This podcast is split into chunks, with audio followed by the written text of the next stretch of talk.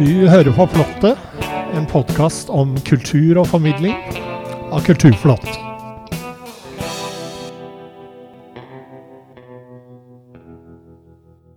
Denne julen har vi besøk av hele 29 artister. De gir oss innblikk i det de liker aller best musikk, formidling og kreativitet. I Flottet har vi også en full adventskalender denne gangen.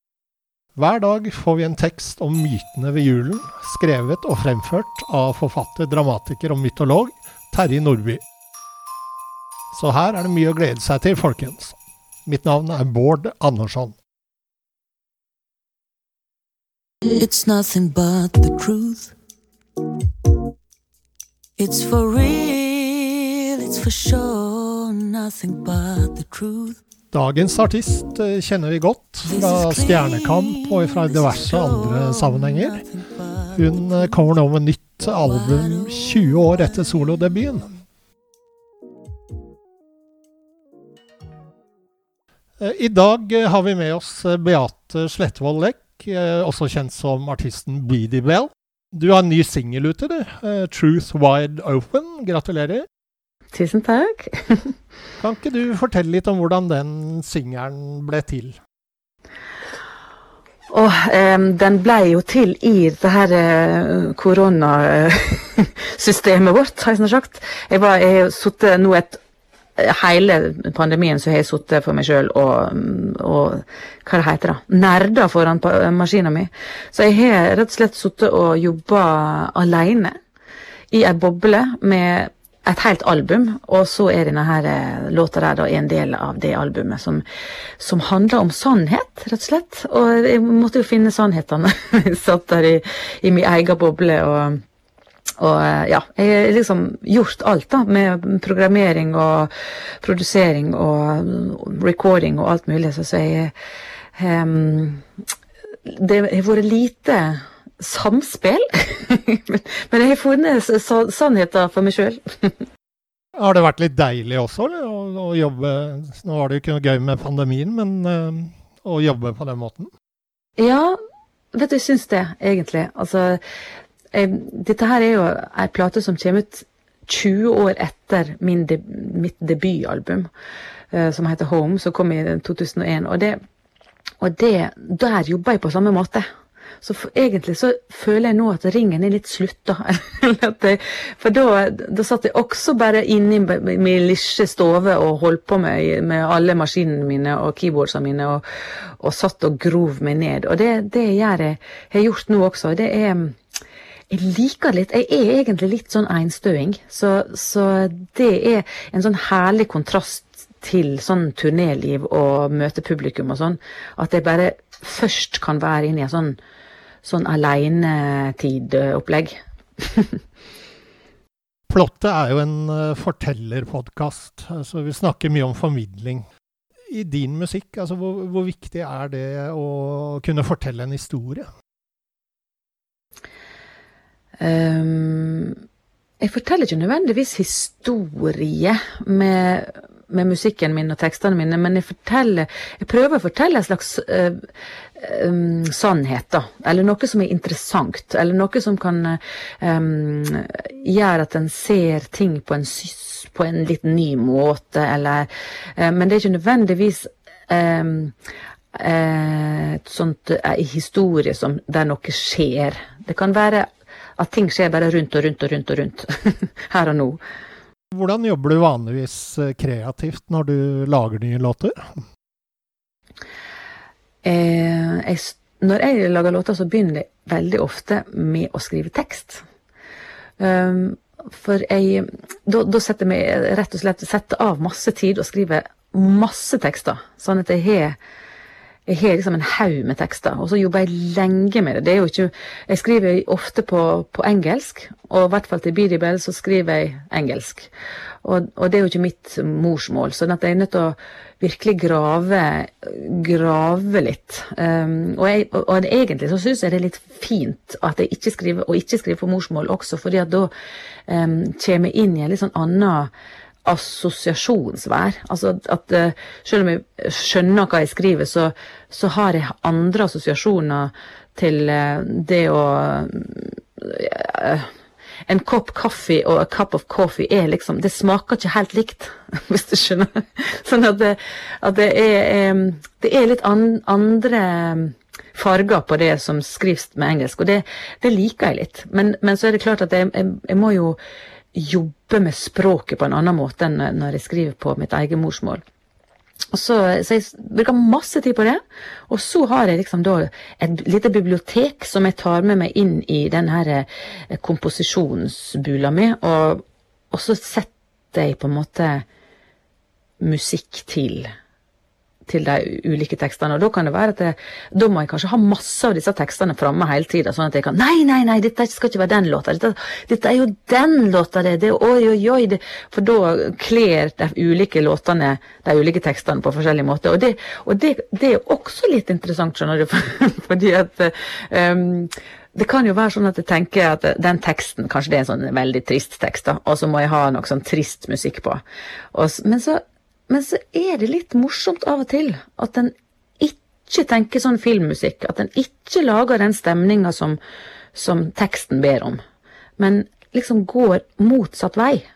Og, og lager kanskje noe veldig lystig og snappy og funky oppå opp dette her litt sørgelige greiene.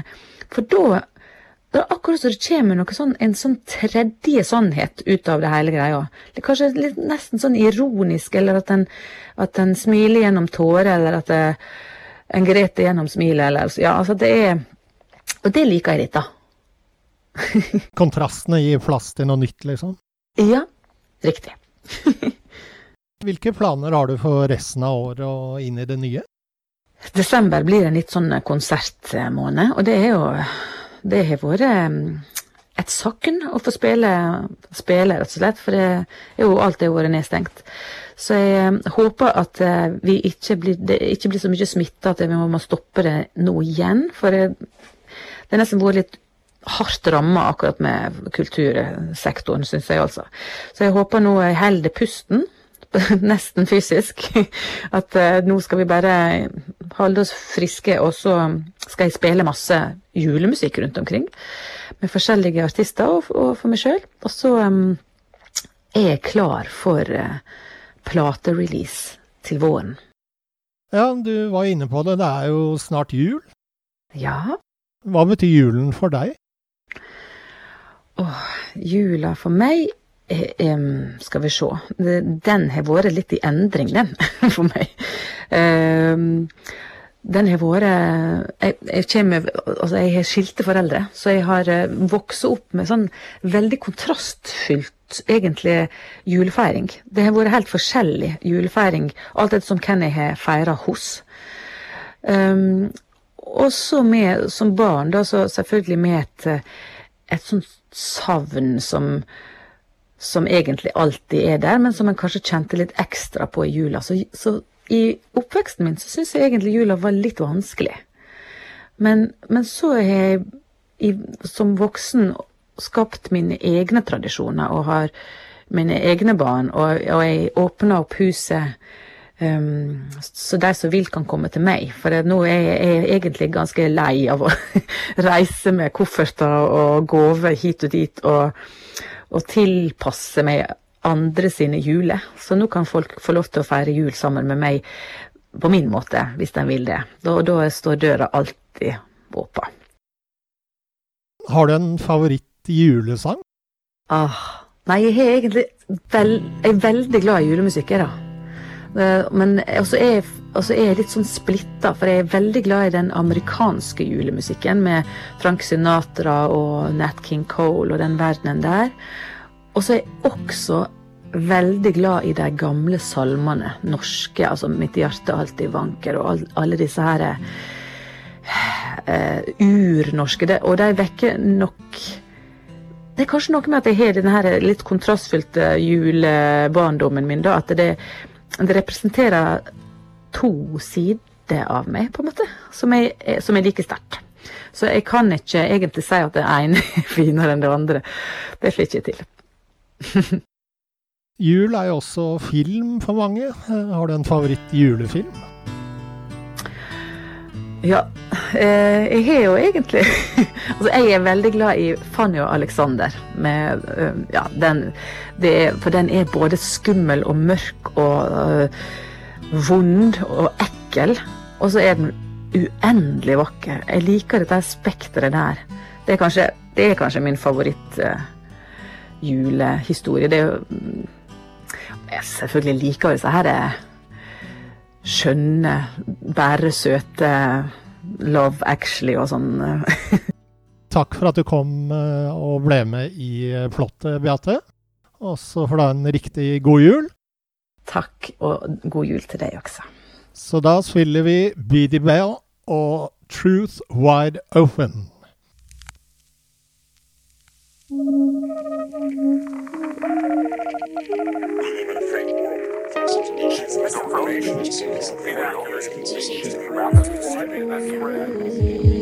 It's nothing but the truth. It's for real, it's for sure, nothing but the truth.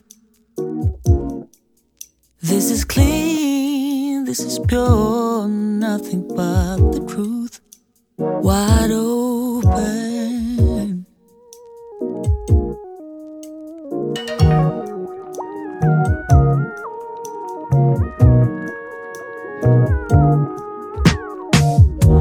There's nothing left to hide under the surface. Nothing can hurt us.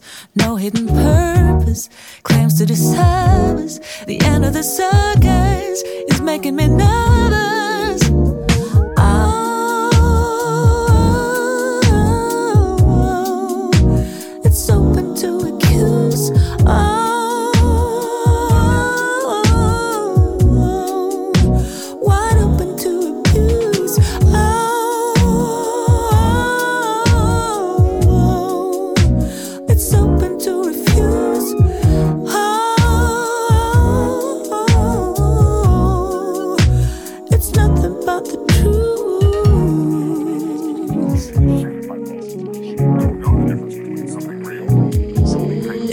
Nothing to promote. There's no strategy.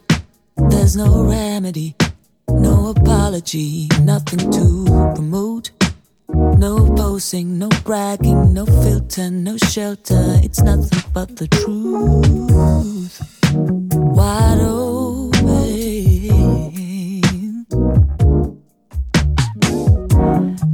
nothing left to hide under the surface.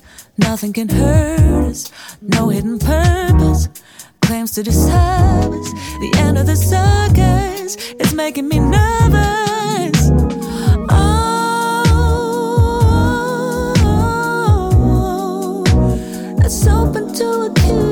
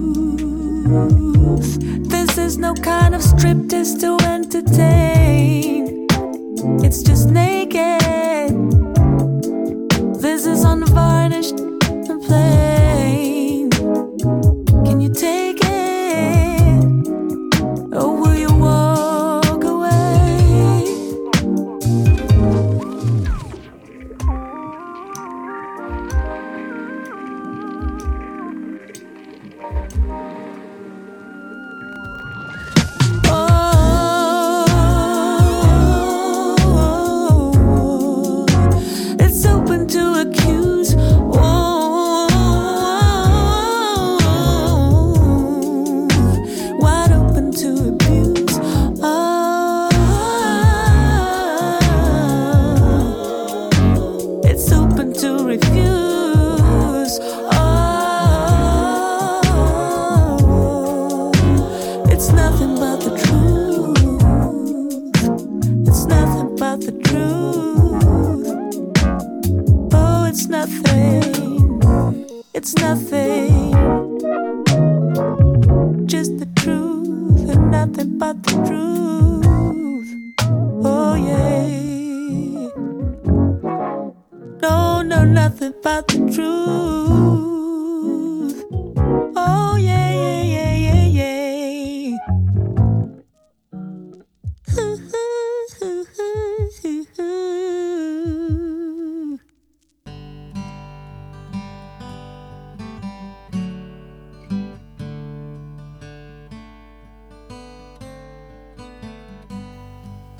julekalenderen i dag så handler det om tidenes første SMS på en telefon. Og det var jo selvfølgelig noe som var eh, relatert eh, til julen, Terje. Slovenia og Kroatia ble selvstendige stater. Boris Jeltsin var Russlands president. Microsoft lanserte Windows 3.1. TV 2 hadde sin første sending, og Eric Clapton sang Tears in Heaven. Mobiltelefoner fantes, men de var store og dyre og fastmontert i bil. Det var ennå en stund til GSM-nettet ble opprettet. På slutten av dette året, 1992, den 3. desember, mottok sjefen for Vodafone, Richard Jarvis, noen tegn på sin mobiltelefon Orbitel 901, sendt fra ingeniøren Neil Papworths datamaskin. Tegnene var ukodet og kunne lett leses som alfabetiske bokstaver, og lød Merry Christmas. Ingen hadde der og da noen spesielt høye tanker om stor utbredelse. Der tok de feil. I løpet av den tiden du har lyttet til denne kalenderteksten, du har brukt ett minutt, er det bare i Norge blitt sendt mer enn 10 000 SMS. SMS-en har overtatt som en dominerende kommunikasjonsform over hele verden. I en av sine dialoger gjenforteller Platon en gammel egyptisk legende om guden Tott, som kommer til farao og forteller at han har nå en helt ny, fantastisk oppfinnelse som gave til egypterne, nemlig skrivekunsten. Fra nå av kan de holde regnskap med hva som blir ofret i templene, og dikternes hymner og folkets historie vil bli husket for alltid. Farao er meget skeptisk. Han mener at dette slett ikke er noen god idé. Samtalene vil forstumme, for folk vil lese istedenfor å snakke med hverandre. Dessuten, nå gidder ingen å huske noe mer, for det står jo skrevet ned. Nei, dette vil føre til åndelig latskap. Konflikten i denne flere tusen år gamle historien er besnærende aktuell, og minner om tidens diskusjonstemaer angående datarevolusjonen. Er så mye skjermtid sunt? Fører internett til konsentrasjonsproblemer? Undergraver tilgangen til all verdens nettunderholdning det normale sosiale livet? Leder Facebook til et liksomliv? Det er ikke lett å spå om fremtiden.